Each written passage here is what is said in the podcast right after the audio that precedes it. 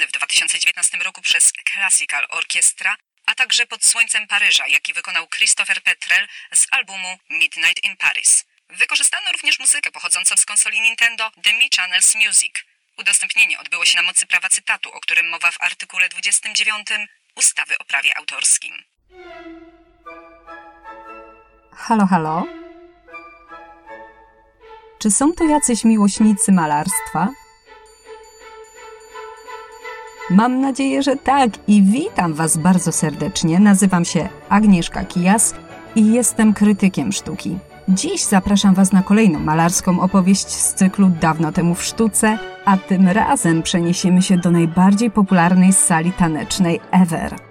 Jeśli po dźwiękach muzyki jeszcze nie domyśliliście się, gdzie jesteśmy, to odpowiadam. Szanowni Państwo, witam w Moulin Rouge.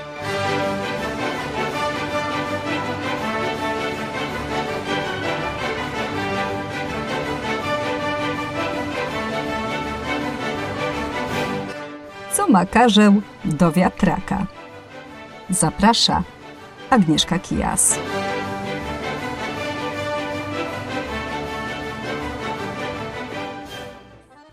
Tak, jesteśmy w Paryżu. Jesteśmy na Montmartre, a dokładnie w Czerwonym Młynie, czyli po prostu w Moulin Rouge, najsłynniejszym paryskim kabarecie. Ale wiecie, nie jest to takie Moulin Rouge, które wy sobie wyobrażacie, czyli nie to pełne życia, nie to pełne gwaru, spienionych spódnic, uniesionych w górę nóg tancerek i brzdęku szkła. Nie, ale takie już trochę uśpione, takie już niemalże wyciszone, takie, takie, takie minimalistyczne, ponieważ na sali pozostali już tylko najwierniejsi bywalcy. Wśród nich, przy pierwszym stoliku, tuż przy scenie, siadał pokurczony, zamyślony karzeł z ołówkiem w ręku. Henri-Marie Raymond de Toulouse-Lautrec Montfort. O! I tutaj dodam, że nagrywanie tego podcastu o Toulouse-Lautrecu sprawiło mi szczególną frajdę, ponieważ ten temat zgłosił mój kumpel sprzed lat, Tomasz Kasperek, który dla mnie na zawsze pozostanie Kacprem. I powiem w ten sposób, to naprawdę jest bardzo fajne, że piszecie do mnie wy, osoby, których nigdy bym nie poznała, gdyby nie te podcasty i zgłaszacie swoje propozycje tematów, ale fajne jest też to, że piszą do mnie właśnie znajomi sprzed lat, z którymi gdzieś urwał się kontakt. No, wiadomo, jak to w życiu bywa.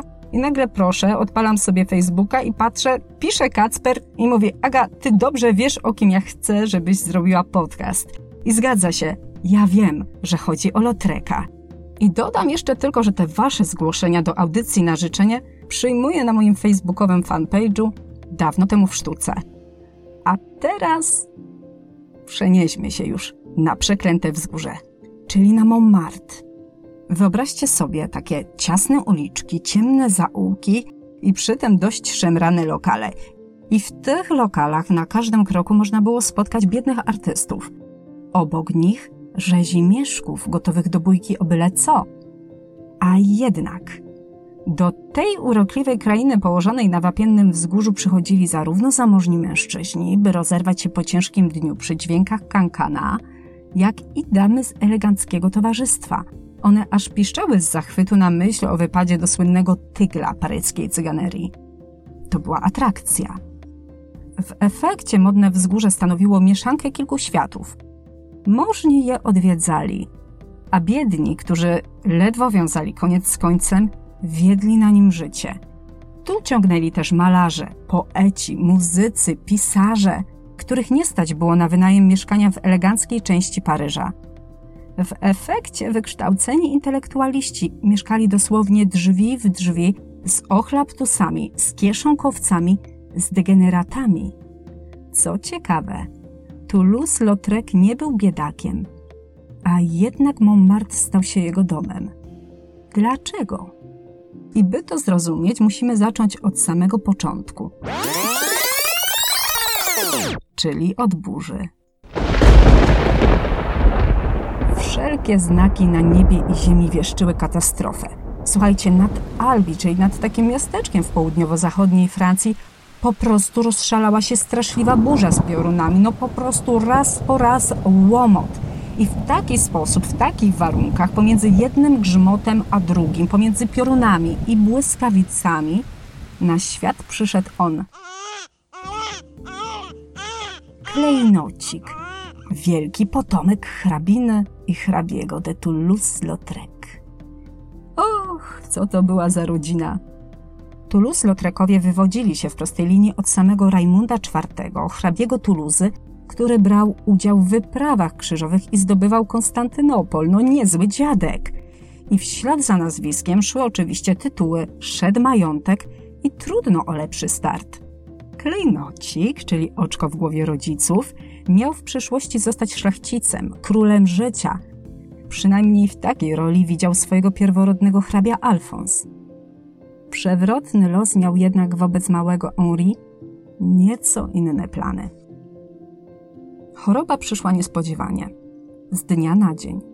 Dziesięcioletnim chłopcem targały napady silnego bólu, wystąpiła gorączka, zaczęły się też problemy z chodzeniem.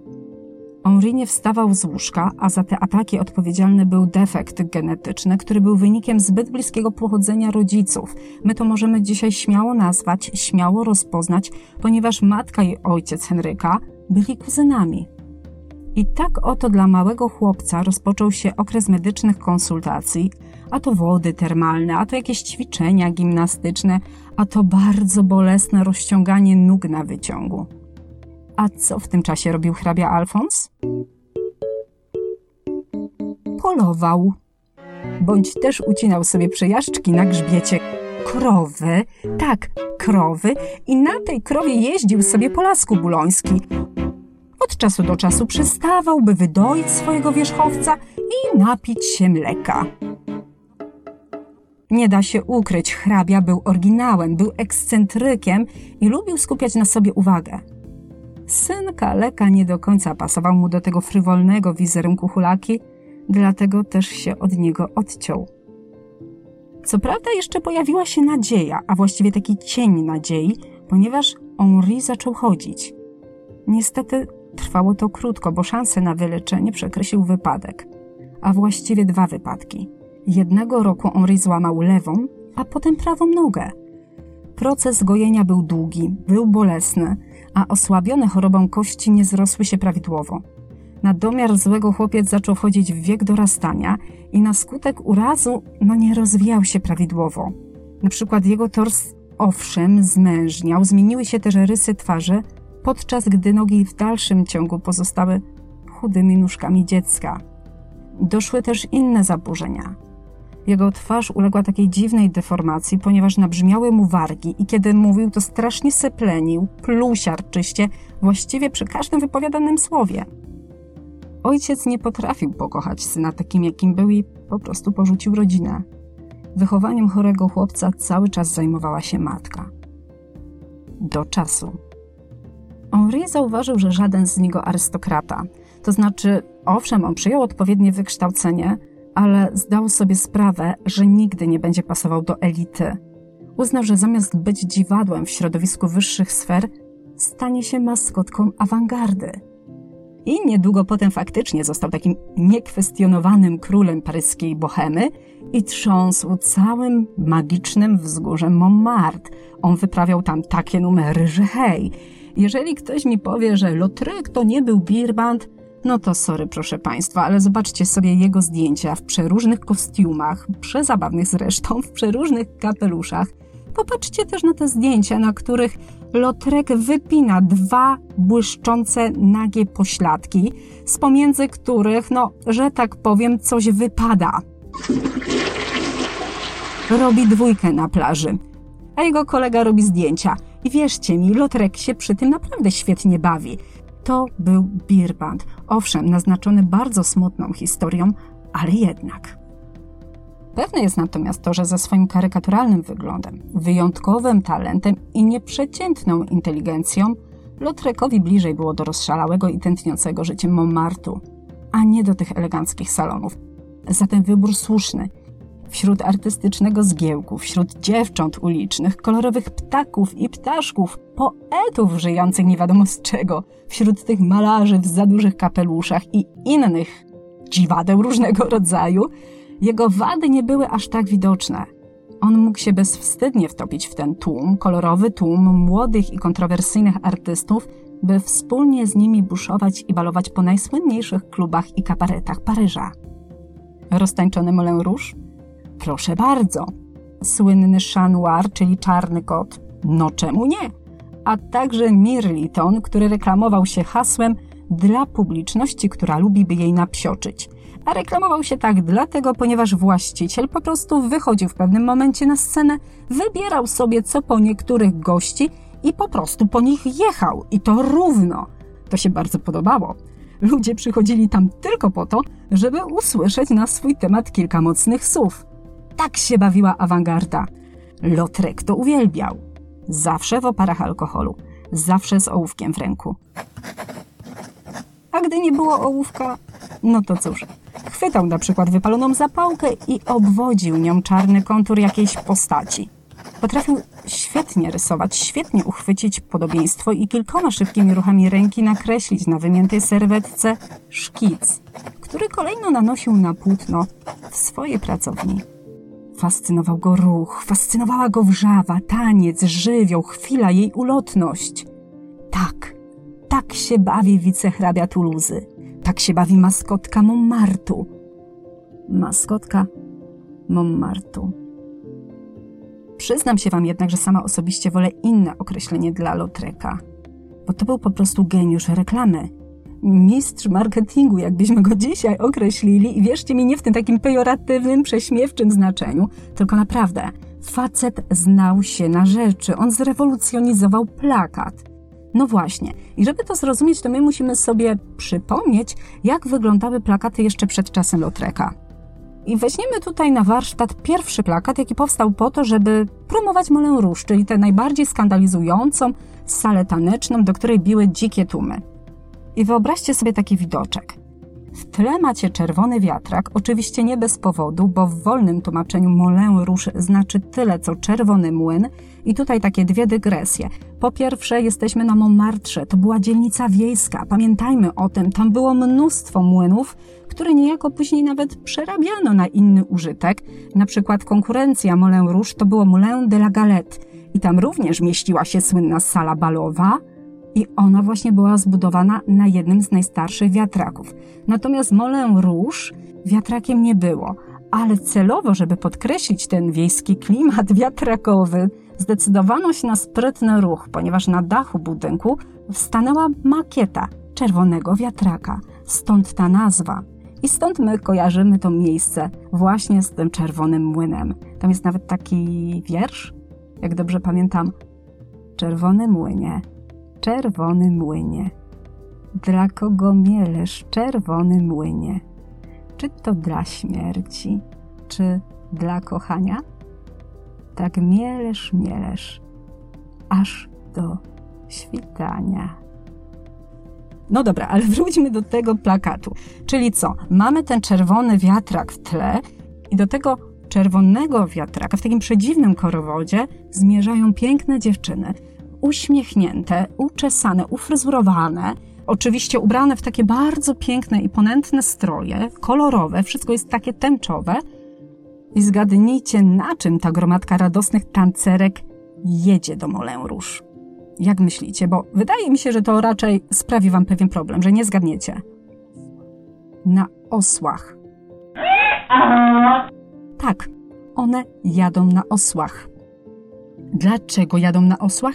Nie mam pojęcia. Właściciel prawdopodobnie też nie miał pojęcia. Ba, ja myślę, że autor nie miał pojęcia. A tym bardziej odbiorcy.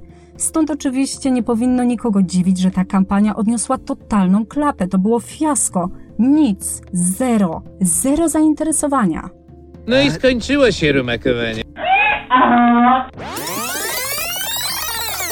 Dlatego też musiał powstać inny plakat i z chwilą, gdy pojawił się na paryskich ulicach, wywołał olbrzymią sensację. Nowy plakat wciąga nas do wnętrza Moulin Rouge. Znajdujemy się w samym sercu akcji, na scenie. I postacią, która skupia całą uwagę, jest najjaśniejsza gwiazda tego kabaretu, mistrzyni kankana, Laguli.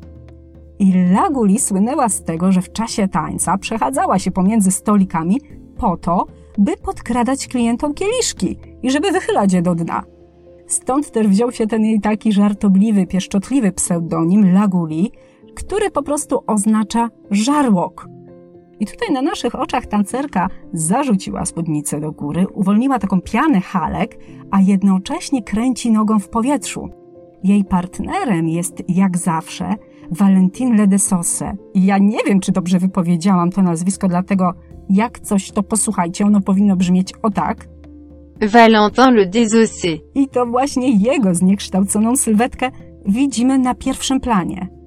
Ten występ artystów podziwia tłum, ale ten tłum został naprawdę świetnie narysowany, świetnie przedstawiony, wyobrażony w bardzo uproszczony sposób, bo tak na dobrą sprawę to my widzimy taki czarny pacyk, który jest po prostu wykończony cylindrami, damskimi kapeluszami i my teraz potrafimy sobie wyobrazić, że to jest masa ludzi.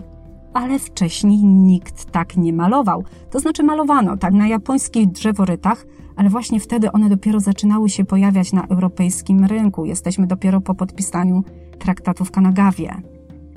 Kochani, na tym plakacie jest zwięźle, jest minimalistycznie, ale z werwą, z biglem i na temat.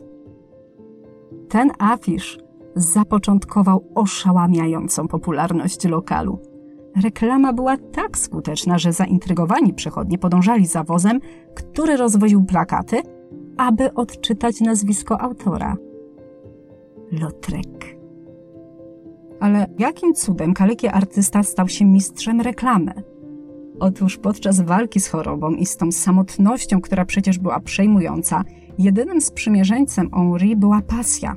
A tą pasją okazało się malarstwo i rysowanie. On sobie kreślił takie szkice w zeszycie i tworzył je nawet przykuty do łóżka.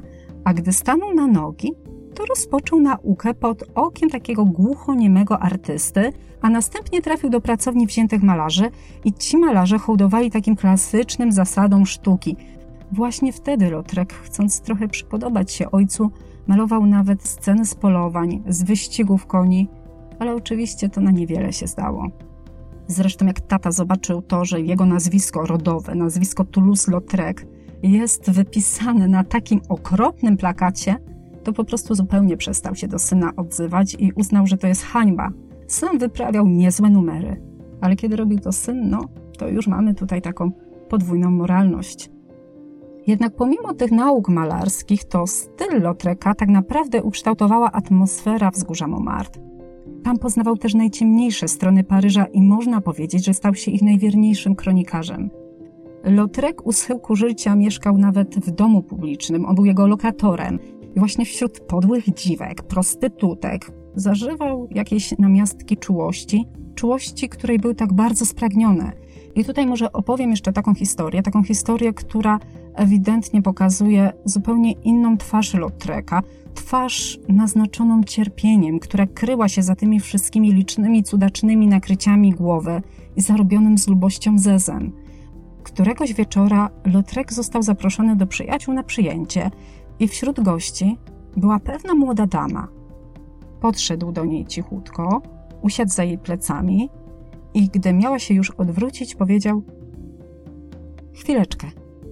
Usiądę sobie tutaj tak z tyłu za panią, tak będzie mi łatwiej do pani mówić. Nie muszę pani widzieć. Wolę, żeby pani na mnie nie patrzyła.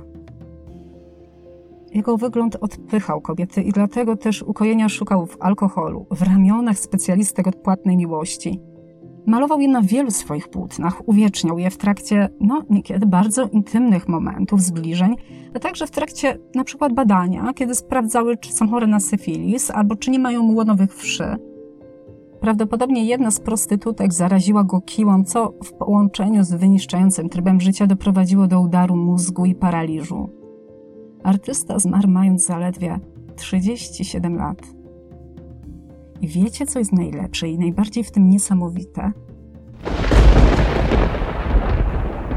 Że chwilę po jego śmierci rozpętała się straszliwa burza.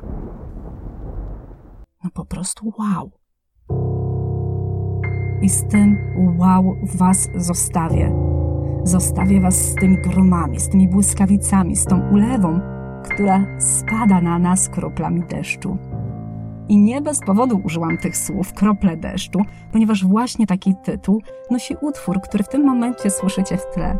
Myślę, że stałym słuchaczom nie muszę przedstawiać autorki, ale tym, którzy są tu po raz pierwszy, powiem, że gra dla Was Hania Derej, młoda kompozytorka z Tychów. Przypomnę jeszcze, że ten podcast dedykuję mojemu kumplowi sprzed lat, Kacprowi, a na Wasze zgłoszenia tematów do kolejnych audycji czekam oczywiście na moim facebookowym fanpage'u, dawno temu w sztuce. Jestem też na Insta, więc tam też możecie pisać, póki co jeszcze pod nazwą Agnieszka Kijas, ale myślę, że niebawem to się zmieni i znowu będzie dawno temu w sztuce. Tymczasem, cóż, niech lecą gromy, niech lecą dźwięki, niech lecą krople deszczu. Do usłyszenia.